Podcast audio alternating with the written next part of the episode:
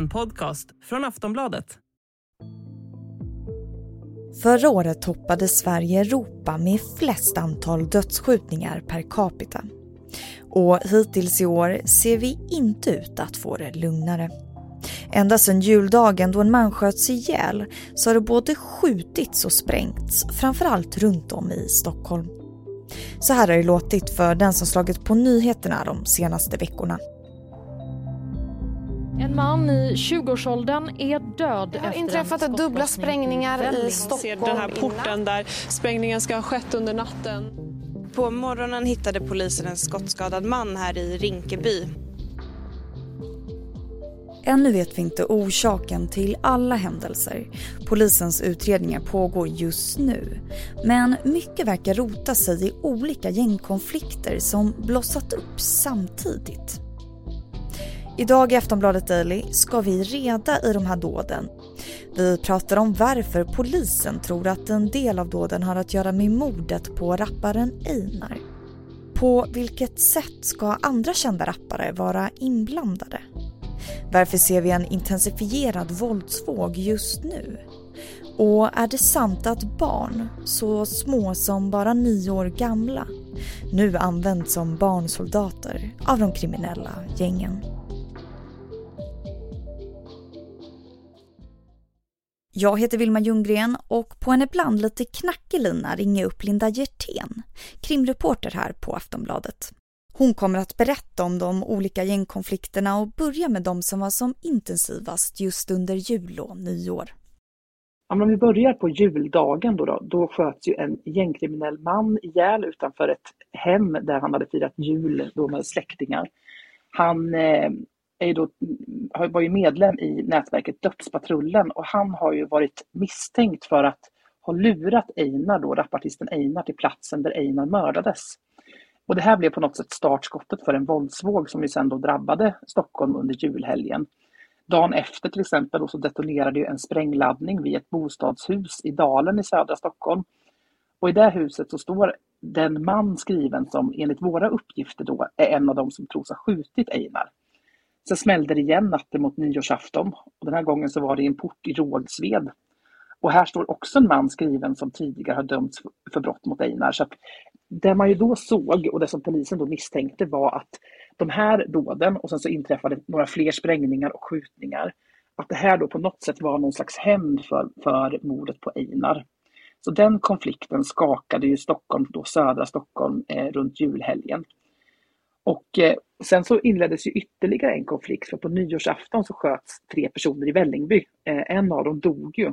Och sen två dagar senare så detonerade en kraftig sprängladdning i en port i närheten då, i Grimsta.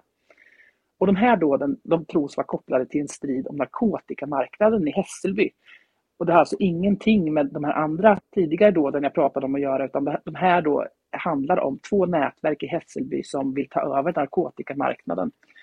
Men utöver det här sen, eh, efter nyår, så inträffade ju fler sprängningar eh, som i sin tur då kopplas till en konflikt mellan två nätverk i Farsta. Så det har varit flera konflikter som har liksom pågått parallellt.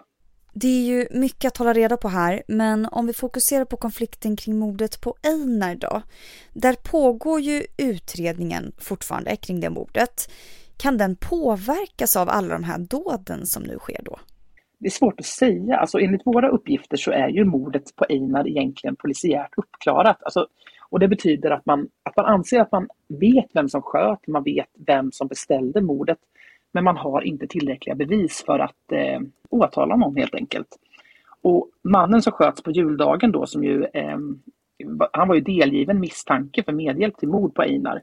Men det fanns inte nog att liksom hålla honom så att det säger ju någonting om utredningsläget att man har haft väldigt koll på liksom vad som har hänt men de här sista pusselbitarna saknas för att liksom kunna lagföra någon. Och nu är ju då han, eh, mannen som sköts på juldagen, han är ju död nu. Eh, han kommer inte kunna åtalas eller heller kunna berätta någonting. Eh, och, och en av de som misstänks ha skjutit Einar, han befinner sig utomlands. Eh, så det är oklart om den här sprängningen mot hans bostad liksom kommer locka hem honom till Sverige eller inte. Och vad det i så fall innebär. Så att hur eller om det påverkar själva mordutredningen, det är svårt att säga i nuläget. Och de här andra konflikterna som också blossar upp under jul och nyår, varför eskalerade det just då? Det är svårt att säga. Det, det, vet vi faktiskt ingenting om. Antingen är det en slump att så här många konflikter har blossat upp samtidigt. Eller så är det medvetet att man vet att eh, det inte är lika många poliser i tjänst under jul och, och nyår. Att man tänker att det är en bra, ett bra tillfälle att vara brottsaktiva. Det vet vi inte. Sen är det ju några kända rappare som ska vara inblandade i det här på något sätt, eller hur? Ja, det har ju varit eh, en hel del eh, kända namn liksom, inom den här eh, gangsterrappen som den kallas, som har figurerat i de här utredningarna och framförallt varit i utredningen gällande eh, mordet och mordförsöken och sprängningen i Vällingby. En av de här sprängladdningarna detonerade utanför en eh, port där en känd rappare bor.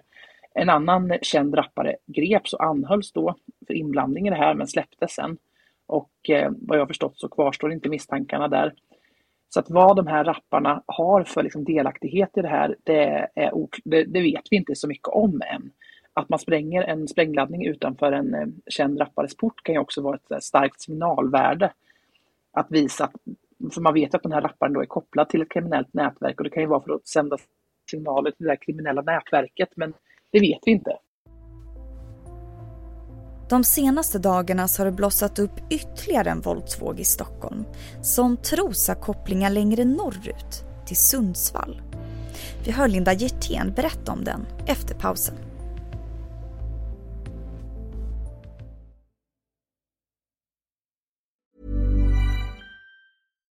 Millions of people have lost weight with personalized plans from Noom. Like Evan, who can't stand salads and still lost 50 pounds. Salads, generally, for most people, are the easy button, right? For me, that wasn't an option. I never really was a salad guy. That's just not who I am. But Noom worked for me. Get your personalized plan today at Noom.com. Real Noom user compensated to provide their story. In four weeks, the typical Noom user can expect to lose one to two pounds per week. Individual results may vary.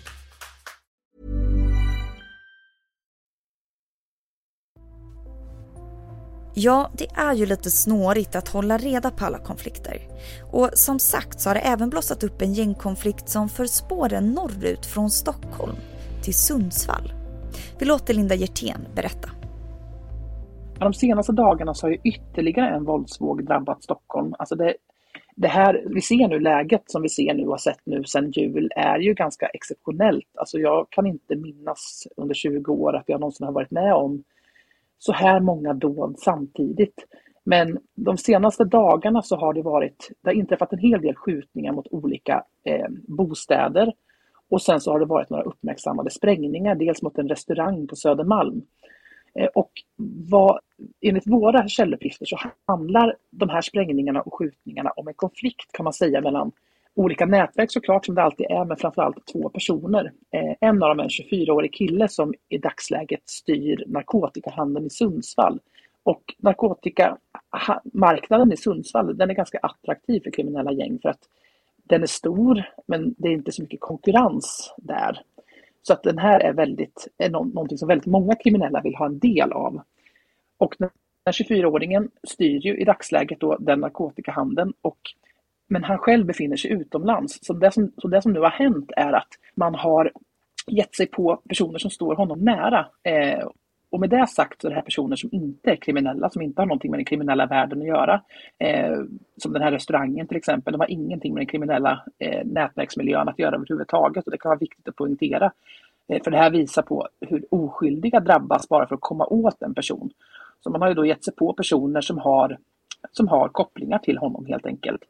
Och därefter då har flera misstänkta hämndaktioner inträffat. Så att här är en konflikt som pågår här och nu eh, som vi inte har någon aning om hur den kommer eskalera. Enligt källor så tror man inte att vi har sett slutet på den än. Och för den här narkotikamarknaden, den är värd mycket pengar. Det är ingenting som någon jättegärna frivilligt och lättvindigt ger upp eh, oavsett om det sprängs och skjuts mot, mot liksom personer som står en nära. Så att den här, eh, den här nya våldsvågen, den vet vi inte än hur den kommer liksom skölja över, över stan. Förra året så lyckades ju polisen fängsla många högt uppsatta inom kriminella nätverk eh, genom att den franska polisen lyckades knäcka krypterade chattar. Vet du om polisen jobbar vidare på samma sätt nu så man kanske kan vänta sig att flera döms på samma sätt? Eller har de kriminella lärt sig komma runt det? Vad jag vet så finns det inget nytt Encrochat eller Anom just nu. Men om det funnits det så är det ju ingenting som polisen skulle vilja läckte ut eh, förrän det, liksom, de har kunnat gripa personer. För att berätta dem att det finns en ny krypterad meddelandetjänst som kriminella kommunicerar på så kommer de ju snabbt som fasen sluta kommunicera där. Men snarare så har ju vi fått information eller liksom indikationer på att efter de här stora Encro och Anom-målen så slutade många av de kriminella att kommunicera med varandra via eh, telefonerna för man tyckte att det var för osäkert helt enkelt. Man visste inte vilka tjänster man kunde lita på längre så att många övergick faktiskt då till att träffas liksom eh, IRL istället, eh, att det kändes säkrare. Mm. Sen pratas det också om hur status, lojalitet och respekt spelar en stor roll i gängvåldet. Eh, hur stor del skulle du säga? Ja, men en stor del, för att man måste förstå att det är väldigt få, förutom om du sitter i toppen av ett nätverk, som tjänar några direkta pengar på den här typen av kriminalitet. Alltså många kanske tjänar, tjänar tillräckligt på den här kriminella verksamheten då för att ha råd med en flashig väska, men sen bor man ändå kvar i sina gamla lägenheter och har inga andra inkomster ofta. Så att det här handlar ju till stor del snarare om liksom något slags brödraskap och tillhörighet, liksom, där lojalitet och respekt är allt. Och tappar du det så är du ingen längre i den här världen. Men det där är ju en väldigt vansklig valuta att hänga upp sitt liv på, för lojaliteter det, de byts och bryts väldigt snabbt i de här kretsarna och det är något vi har sett liksom, allt mer de senaste åren att vänner jättesnabbt och man ser liksom hur, hur de som har varit barndomsvänner ena dagen plötsligt liksom dödsfiender med varandra. Lojaliteterna liksom är väldigt flytande numera. Man byter, man byter nätverk mycket enklare än man gjorde förr. Eh, förr var det mycket mer, nu är jag med i det här nätverket liksom till, till stöden, men så är det inte riktigt längre. Och så gäller det att komma ihåg också att det här livet som de här nätverkskriminella lever är ofta väldigt tragiska liv. Liksom. De bär skottsäkra västar när de går ut. De är alltid beväpnade. De vet inte liksom vem som kommer svika dem härnäst, eh, om de kommer dödas. Det här är ett hemskt liv att leva liksom. och många som hoppar av det här kriminella livet får ju ofta diagnosen PTSD liksom, för att de har haft ett ständigt stresspåslag under så lång tid. Och det här är något också vi ser att väldigt många av de här nätverkskriminella också dövar just de här känslorna med eh, tramadol som är en opioid, ett läkemedel, eh, för att liksom döva sina känslor helt enkelt. Och polisen berättar ju nu om barn så unga som nio år som dras in i de här gängen, eller hur? Alltså vi ser ju hur gängkriminaliteten sjunker allt lägre ner i åldrarna. Eh, och just väldigt unga tjejer och killar är ju heta handelsvaror för gängen. Man får komma ihåg att de ser dem som handelsvaror. Eh, de här cyniska nätverkstopparna eh, ser dem kanske inte som barn som vi ser dem. Och eh, det att de är så het valuta är för att de inte är straffmyndiga. Och framför allt tjejerna går ofta under polisens radar. De stoppas helt enkelt inte. Man kanske inte kontrollerar en 11-årig tjej på samma sätt som man kontrollerar en tidigare känd eh, av polisen kille som är 25 år. Eh, och förr användes ju de här unga som springpojkar och de användes ofta för liksom lättare ärenden. Som till exempel som knasvakt, att man står i ett gathörn och sen så ringer man när man ser polisen komma. Eh, men numera ser man ju hur, hur de används till allt grövre kriminalitet, till exempel för, förvara vapen och ibland så till och med för att skjuta. Eh, vi såg ju nyligen här nu också under julhelgen en 14-årig kille, eller en 14-årig och en 15-årig kille som ju då sköt mot en, eh, en bostad i Gubbängen i Stockholm. Och båda de här killarna, när de avlossa de här skotten, de var på rymmen från HVB-hem. De hade hållit sig borta från vuxenvärlden i en månad. Ingen, ingen vuxen liksom vetat var de har befunnit sig de är ju då väldigt lätta för nätverken att rekrytera. Det, det krävs nog inte så mycket pengar och de får en tillhörighet, kanske någonstans att sova. Ehm, de utnyttjas ju helt enkelt av gängen. Ehm, och sen när de väl har gjort det de ska så eh, kastas de bort ofta. Liksom. Förra året så hade ju Sverige flest dödsskjutningar i Europa per capita. Eh, vi har ju precis gått in i 2023 men vad tror du, kommer vi att gå samma dystra öda till mötes även det här året? Ja, om man ska titta på hur 2022 slutade och hur 2023 började eh, med flera olika våldsvågor som har svept över, alltså framförallt då Stockholm, så finns det ju inget som tyder på att den siffran kommer att sjunka. Sen för den skull så vill man ju aldrig sluta hoppas på det. Man, vill, man hoppas ju såklart att det ska bli ett bättre år. Men tyvärr är ju polisen och framförallt då polisen i södra Stockholm är ju extremt ansatta just nu. De får låna personal från andra avdelningar och från andra regioner för att överhuvudtaget klara av den här enorma arbetsbelastningen de har nu.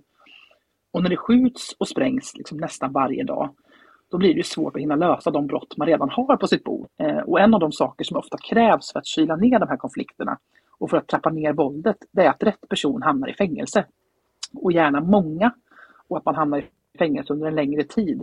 Eh, för det är det man har sett brukar vara det mest effektiva för att snabbt kyla ner en konflikt. Men när man inte hinner utreda för att det hela tiden liksom kommer nya dåd, ja då hamnar ju ingen i fängelse. Så att det är ju ett moment 22 man sitter i. Du har lyssnat på Aftonbladet Daily med Linda Hjertén, krimreporter här på Aftonbladet. Jag heter Vilma Ljunggren och tack för att du har lyssnat.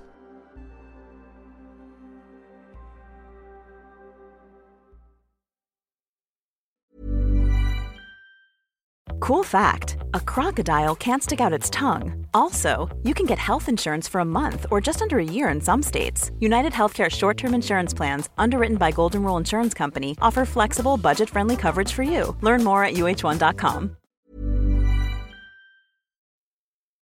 Du har lyssnat på en podcast från Aftonbladet. Ansvarig utgivare är Lena K Samuelsson. Tired of ads barging into your favorite news podcasts? Good news. Ad-free listening is available on Amazon Music for all the music plus top podcasts included with your Prime membership. Stay up to date on everything newsworthy by downloading the Amazon Music app for free or go to amazon.com slash news ad free. That's amazon.com slash news ad free to catch up on the latest episodes without the ads.